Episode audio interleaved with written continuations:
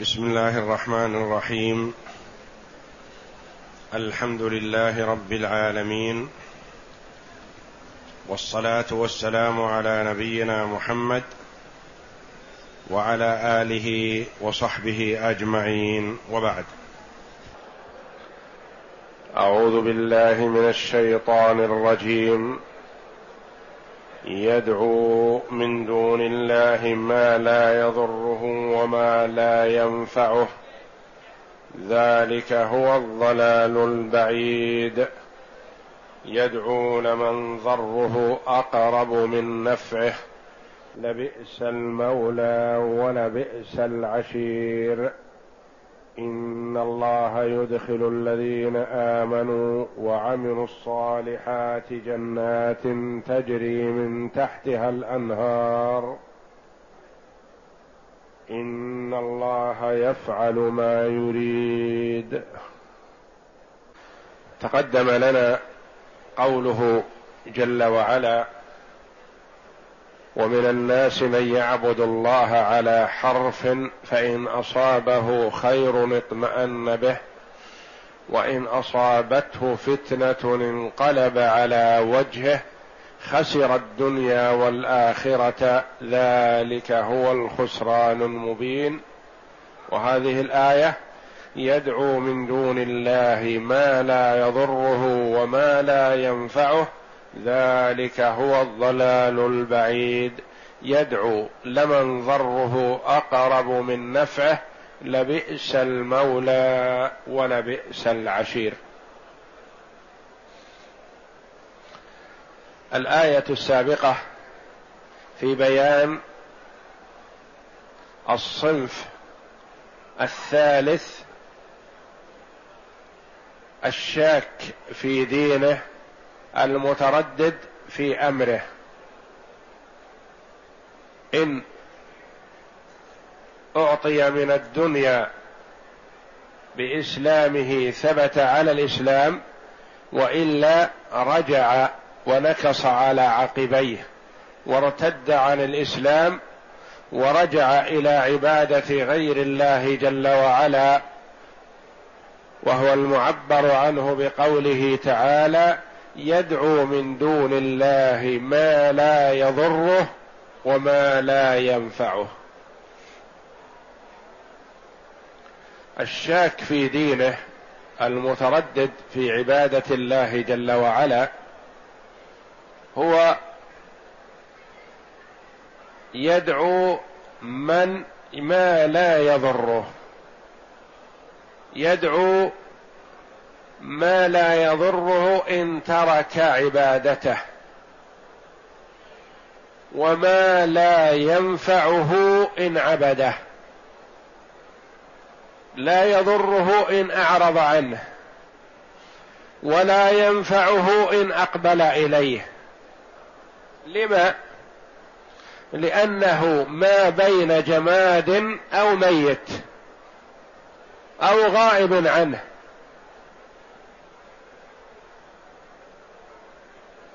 فهو يدعو صنم. يدعو حجر أو نحوه. والحجر هل ينفع؟ إن عبده المرء. هل يضر إن لم يعبده؟ فالذي يعبده ويسجد له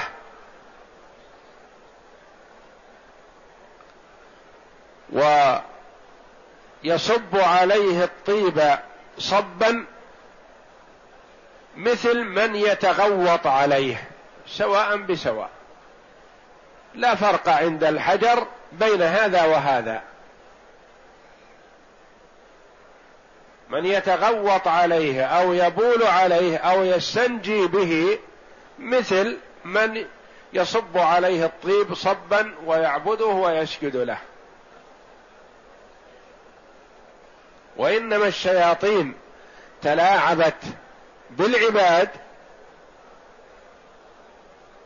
فأفسدت عقولهم. وإلا فهل يليق بعاقل عنده ذوق وعنده عقل يسجد لشجر أو حجر ويتقرب إليه؟ هل يصح أن يتقرب إليه؟ جماد.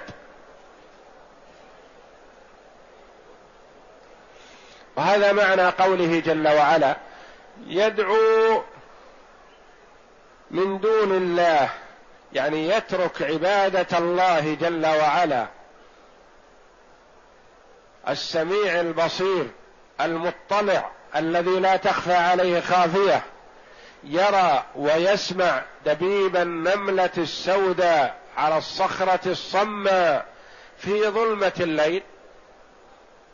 يعلم ما توسوس به نفس الإنسان ما يحيك في قلبه من دون أن يتكلم به أو يخبر به أحد. ولقد خلقنا الإنسان ونعلم ما توسوس به نفسه ونحن أقرب إليه من حبل الوريد العرقان في جانب العنق. ونحن أقرب إليه من حبل الوريد. هل يليق بمن عنده شيء من عقل؟ ويزعم أنه من كبراء القوم ومن المتصرفين والآمرين والناهين كأبي جهل وأضرابه. يترك عبادة الله جل وعلا المطلع على كل شيء النافع الضار المستحق للعبادة حقا ويعبد صنم. لكن كله من الشياطين تلاعبت بالعقول فأفسدتها. يدعو من دون الله ما لا يضره يعني ما يستطيع ضرر. لو جاء شخص وتغوط على هذا الصنم أو بال عليه أو استنجى به هل يستطيع هذا الصنم أن يلتفت عليه ويعاقبه؟ يقول لما تغوطت علي لما بلت علي؟ لا. حجر. يعبد اليوم حجرا فإذا وجد أحسن منه رماه وأخذ الحجر الجديد.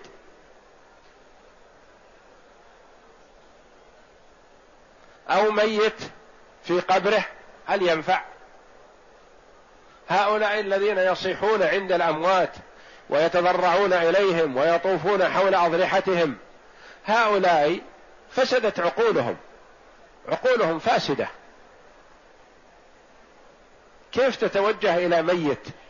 والله جل وعلا الحي القيوم. هل ينفع السيد البدوي أو عبد القادر الجيلاني أو غيره في قبره؟ إن كان هذا المتوجه إليه رجلا صالح فهو في روضة من رياض الجنة ولا يدري عن عبادة من عبده. وإن كان رجلا فاجرا فهو في حفرة من حفر النار والعياذ بالله. وأحيانا يكون لا شيء ليس فيه شيء. مزعوم أن هذا قبر فلان أو هذا ضريح فلان أو نحو ذلك ولا فلان ليس فيه. يؤتى ويطاف حوله ويدعى ويطلب ويترجى اشف مريضي رد غائبي. هل يعقل هذا؟ يقول الله جل وعلا يدعو من دون الله ما لا يضره وما لا ينفعه. هل يعقل أن ينفع أو يضر؟ والله جل وعلا يقول ما لا يضره وما لا ينفعه. لا والله. ذلك هو الضلال البعيد. دعوة غير الله جل وعلا. كائنا من كان ضلال بعيد وليس بقريب لأن الضلال الإنسان في متاهة في البرية في مفازة يخرج عن الطريق. مسافة قريبة يسأل عنه يدل عليه. لكن إذا انهمك وأبعد هلك. ما يستطيع الرجوع إلى الطريق ولا يدله. ذلك هو الضلال البعيد. والله جل وعلا يقول الضلال البعيد. فإذا كان الله جل وعلا وصفه بالبعد فلا سلامة منه. يدعو من دون الله ما لا يضره وما لا ينفعه. ذلك هو الضلال البعيد. يدعو لمن ضره أقرب من نفعه. في الآية الأولى نفى جل وعلا. النفع ونفع الضر. ما فيه لا نفع ولا ضرر مثل حجر. لا ينفع ولا يضر لأنه لا ينتقم ولا يعمل شيء. ولا يستطيع أن ينفع عابده. وهنا قال يدعو لمن ضره أقرب من نفعه. إن كان على سبيل الفرض إن كان هناك شيء فالضرر محقق والنفع لا فيه. قد يقول قائل لما نفى جل وعلا النفع والضر في الآية الأولى وأثبته في الآية الثانية إن وجد فالضرر أقرب. نعم. يقال النفع محقق لا نفع ابدا. وإنما قوله جل وعلا يدعو لمن ضره أقرب من نفعه. ضره يعني بسبب عبادته إياه يضره.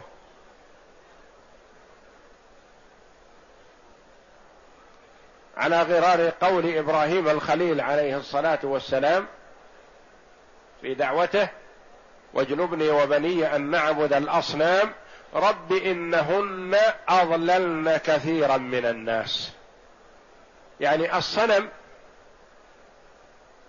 لا ينفع ولا يضر ولا يضل لكنه بسبب عبادة الشخص له ضل فهو سبب للضلال والعياذ بالله. يدعو لمن ضره أقرب من نفعه. يدعو لمن ضره. بعض العلماء قال اللام هذه موطئة للقسم وبعضهم قال هذه اللام مزيدة وليس معنى زيادتها أنها لا فائدة فيها لا لأنه ليس هناك حرف في القرآن لا فائدة فيه. لكن قالوا مزيدة يعني لا محل لها من الإعراب جيء بها للتأكيد أو لسياق لتحسين سياق الكلام. فالذين قالوا إنها موطئة للقسم والآخرون قالوا إنها مزيدة ومن هذه مفعول يدعو. يدعو من ضره أقرب من نفعه. يعني إن كان هناك ضرر أو نفع فأيهما أقرب؟ الضرر. والضرر ليس بحد ذاته هو يضر؟ لا لأنه لا يضر. وإنما يضر بسبب عبادته. ضل بسبب كونه عبد هذا الصنم ونحوه. لبئس المولى ولبئس العشير. يعني كأنه يقول هذا العابد هذا العابد لهذا الصنم يقول له يوم القيامة حين لا ينفعه القول لبئس المولى أنت ولبئس العشير أنت. يعني ما نفعت. المولى الناصر الذي ينصر ويفيد لكنه يوم القيامة لا ينفع. ولبئس العشير والعشير الصاحب الموانس. هذا ما نفع ولا دفع ضر ولا استؤنس به. لبئس المولى ولبئس العشير. وكما قال الله جل وعلا الأخلاء يومئذ بعضهم لبعض عدو إلا المتقين. تجده اليوم يسجد له ويعبده من دون الله وغدا يوم القيامة يلعنه. لكن لا ينفع. لعنه أو لم يلعنه. ضل بسببه وابتعد عن الصراط المستقيم.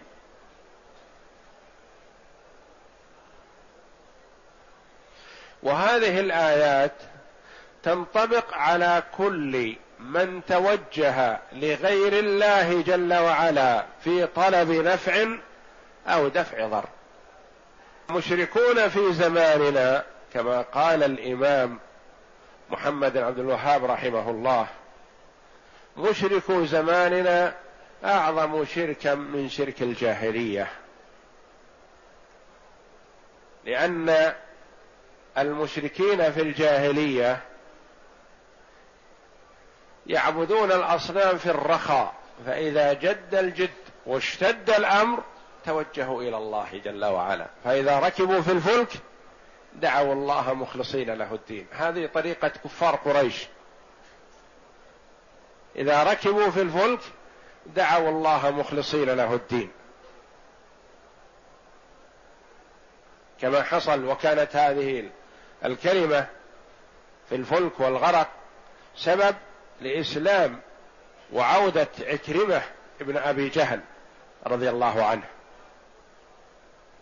عكرمة كان من أشد الناس عداوة للنبي صلى الله عليه وسلم وبغضا له وأبوه معروف أبو جهل. أبوه قتل في بدر كافرا. هو بقي. فكان يسعى جاهدا في عداوة الرسول صلى الله عليه وسلم وقتاله. فلما علم أن الرسول صلى الله عليه وسلم مصبح مكة هرب. خرج من مكة. أين يذهب؟ ذهب إلى جدة. يبي يفر عن الإسلام. وعن محمد صلى الله عليه وسلم. الرؤوف الرحيم بالأمة. فركب البحر في جدة. فمن الأسباب المباركة أتاهم موج شديد. فقال قائد السفينة أخلصوا. لن ينجيكم مما أنتم فيه إلا الإخلاص. قالوا كيف نخلص؟ قال وحدوا. ادعوا الله وحده. قال أخزاك الله وما الذي أخرجني من داري وأهلي وبلدي إلا الإخلاص والتوحيد. ردني إلى الساحل ردني إلى الساحل. فرد إلى الساحل فجاء فوجد امرأته قد أخذت الأمان له من النبي صلى الله عليه وسلم وجاءت تطلبه. فأخذت بيده وذهبت به إلى الحبيب صلوات الله وسلامه عليه الرؤوف الرحيم بالأمة الذي قبله ودعا له. فأسلم رضي الله عنه وحسن إسلامه رضي الله عنه وأرضاه. لكن سبب إسلامه أنه طلب منه قائد السفينة أن يوحد يوحد الله في العبادة. قال وما الذي أخرجني من داري وأهلي وبلدي إلا التوحيد؟ فرجع رضي الله عنه وأسلم. فكان مشركو قريش ومن نحى نحوهم يشركون في الرخاء ويخلصون في الشدة. والمصيبة أن كثيرا ممن ينتسب إلى الإسلام اليوم في البلاد الإسلامية كثير منهم أشد كفرا من كفار قريش. وهم يصلون ويصومون ويزكون ويحجون. لكن ماذا؟ يتوجهون إلى الضريح الفلاني والسيد الفلاني والولي الفلاني. يطلبون منه النفع ودفع الضر. فبذا حبط عملهم كله والعياذ بالله. وتجد بعضهم في الرخاء يعبد الآلهة ويغفل وفي الشدة يجأر ويصيح وينادي الحسن والحسين وغيرهم. ممن هم في رياض الجنة خيار من خيار الأمة لكن لا ينفعون لا ينفعون غيرهم لأنهم من عباد الله الصالحين وفي روضة من رياض الجنة وشهد لهم النبي صلى الله عليه وسلم بالجنة رضي الله عنهم وأرضاهم. لكن هل ينفعون من عبدهم؟ لا والله. بل من عبدهم يبغضونه أشد البغض لأنه جعلهم شركاء لله جل وعلا في العبادة وهم لا يرضون ذلك. هل يرضى الرجل الصالح أن يعبد مع الله؟ لا والله. فالواجب على المسلم الحذر من هذا والتنبيه عليه تنبيه من يرى. أنه في كثير من البلاد الإسلامية عبدت القبور من دون الله جل وعلا. وصرف لها النذور النذر عبادة لله جل وعلا. إذا صرف لغير الله شرك كفر. الذبح لله جل وعلا عبادة. إذا ذبح لغير الله شرك. من ذبح لغير الله فقد كفر أو أشرك.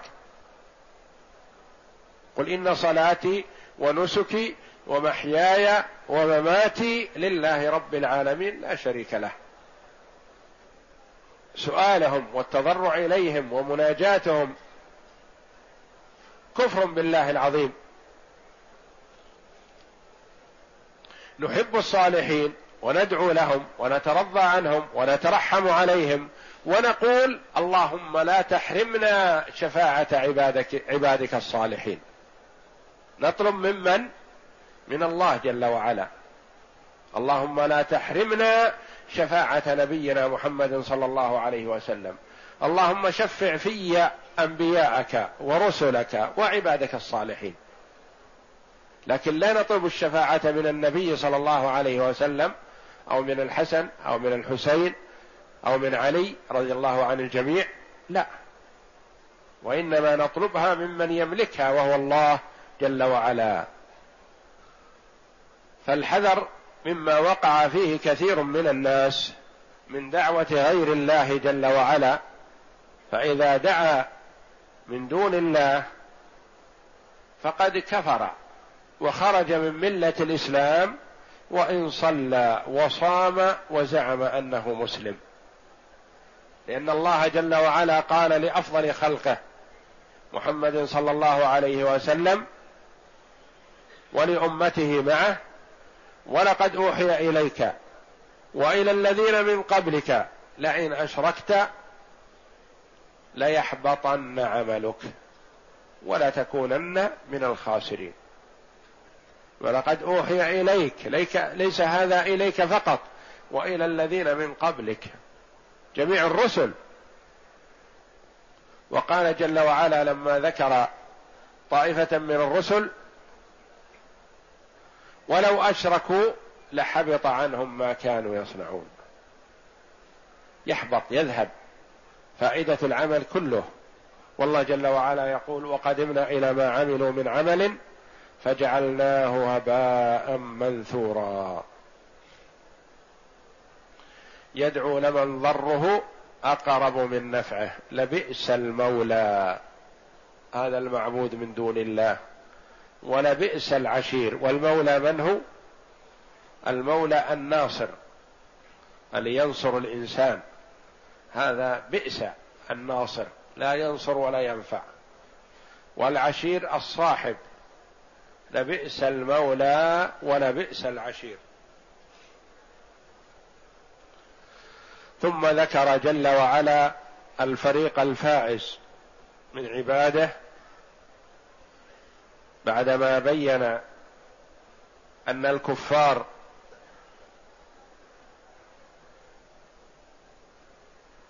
نوعان دعاة ومقلدون ذكر بعد ذلك من هو مسلم وهم فريقان كذلك. فريق شاك متردد وهو المعبر عنه في الآيات السابقة هذه وفريق مطمئن بالإيمان مؤمن القلب عامل بجوارحه. إن الله يدخل الذين آمنوا وعملوا الصالحات جنات تجري من تحتها الأنهار. إن الله يفعل ما يريد. إن الله يدخل الذين آمنوا وعملوا الصالحات. آمنوا وعملوا. الإيمان وحده دعوة. لا يكفي إلا في حالات. في حالات لم يمكنه العمل. والعمل الصالح بدون إيمان لا يكفي ولا ينفع ولا يكون صالحا. اذا الذي ينفع الإنسان الإيمان بالله جل وعلا مع العمل الصالح وإن قل. وإن قل. إذا صحبه الإيمان الذي هو الإيمان بالله جل وعلا وملائكته وكتبه ورسله واليوم الآخر وبالقدر خيره وشره. وعملوا الصالحات أقاموا الصلاة وآتوا الزكاة وصاموا رمضان وحجوا بيت الله الحرام. فالإيمان والعمل الصالح يشمل أركان الإسلام وأركان الإيمان.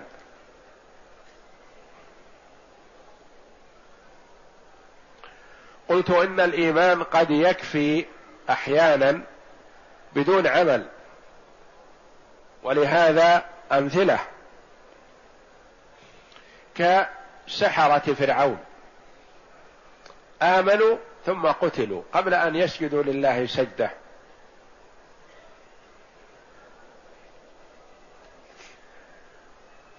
من أسلم والمعركة قائمة بين المسلمين والكفار بدل ما كان متوجه في صف الكفار يقاتل المسلمين ألقى الله الإيمان في قلبه فجاء فشهد أن لا إله إلا الله وأن محمدا رسول الله ثم توجه يقاتل الكفار فقتل. يكون شهيدا ويدخل الجنة وربما أنه لم يسجد لله سجدة. وإنما شهد شهادة التوحيد ودخل المعركة فقتل. هذا إيمانه يكفيه لأنه ما تمكن من العمل الصالح.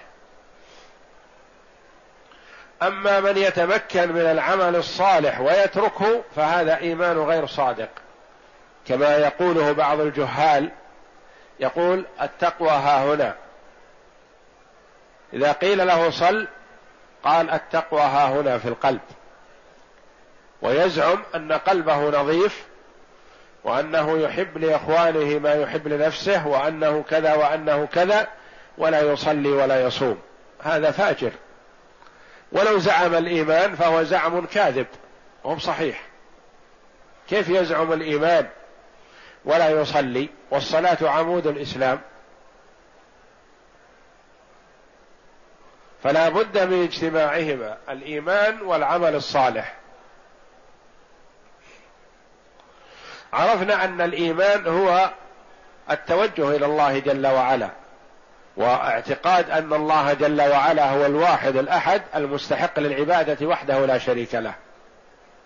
العمل الصالح ما هو؟ العمل الصالح ما اجتمع فيه شرطان أساسيان وإلا فلا قيمة له وهما الإخلاص لله جل وعلا والمتابعة للرسول صلى الله عليه وسلم. الإخلاص لله لأن العمل إذا كان لله ولغيره ما نفع صاحبه. وإذا كان العمل لله لكنه على غير وفق السنة فهو مردود على صاحبه. من أحدث في أمرنا هذا ما ليس منه فهو رد. من عمل عملا ليس عليه أمرنا فهو رد. مردود على صاحبه. اذا ما المطلوب؟ الأول أن يكون خالصا لوجه الله تعالى. لأنه إذا لم يكن خالص فلا ينفع.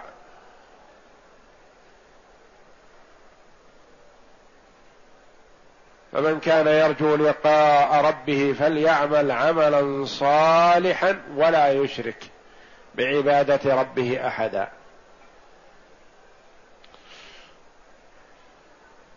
فلا بد أن يكون العمل لوجه الله جل وعلا. الشرط الثاني أن يكون موافقا لسنة الرسول صلى الله عليه وسلم. إن الله يدخل الذين آمنوا وعملوا الصالحات إن الله يدخل الذين آمنوا وعملوا الصالحات جنات تجري من تحتها الأنهار. هؤلاء بإيمانهم بالله وعملهم الصالحات مآلهم إلى الجنة.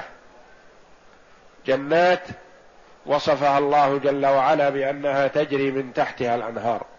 والجنات البساتين. وسميت الجنة جنة لأنها تستر ما تحتها. فالأشجار تستر ما تحتها. جنات تجري من تحتها تحت أشجارها. الأنهار وليس نهرا واحدا بل هي أربعة أنهار.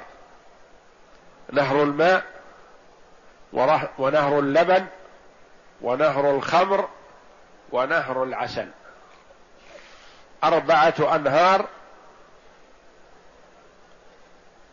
موصوفة بأكمل الصفات منفي عنها الآفات التي تعترض هذه المواد في الدنيا. نهر الماء ونهر اللبن ونهر الخمر ونهر العسل. كلها تجري من تحت هذه الأشجار. وتجري بقدرة الله جل وعلا بغير أخدود. بغير سواقي وبغير أنابيب. تجري بأمر الله جل وعلا كيفما أراد صاحبها تتوجه بإرادة صاحبها كيفما أحب.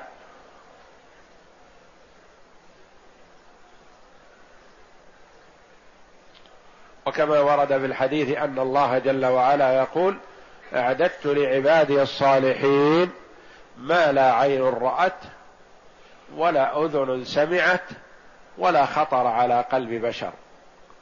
مهما تصور الإنسان نعيم الجنة ما يدركه فوق ما يتصور.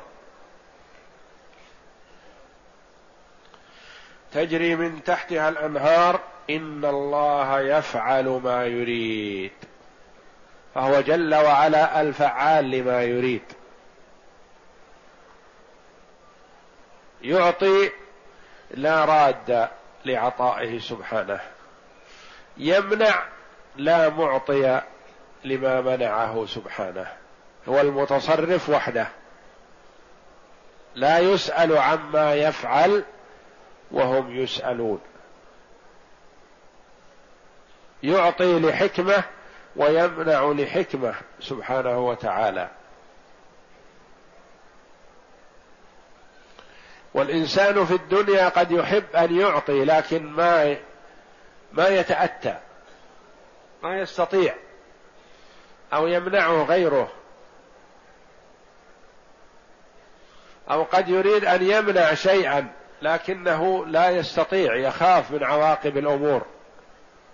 والله جل وعلا هو المعطي المانع يفعل ما يريد ما أراده الله جل وعلا كان وما لم يرده لم يكن.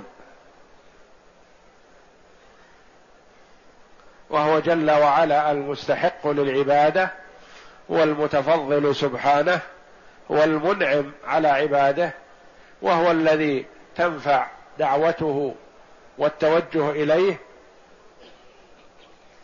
على ما قال سبحانه وتعالى وإذا سألك عبادي عني فإني قريب أجيب دعوة الداعي إذا دعان فليستجيبوا لي وليؤمنوا بي لعلهم يرشدون.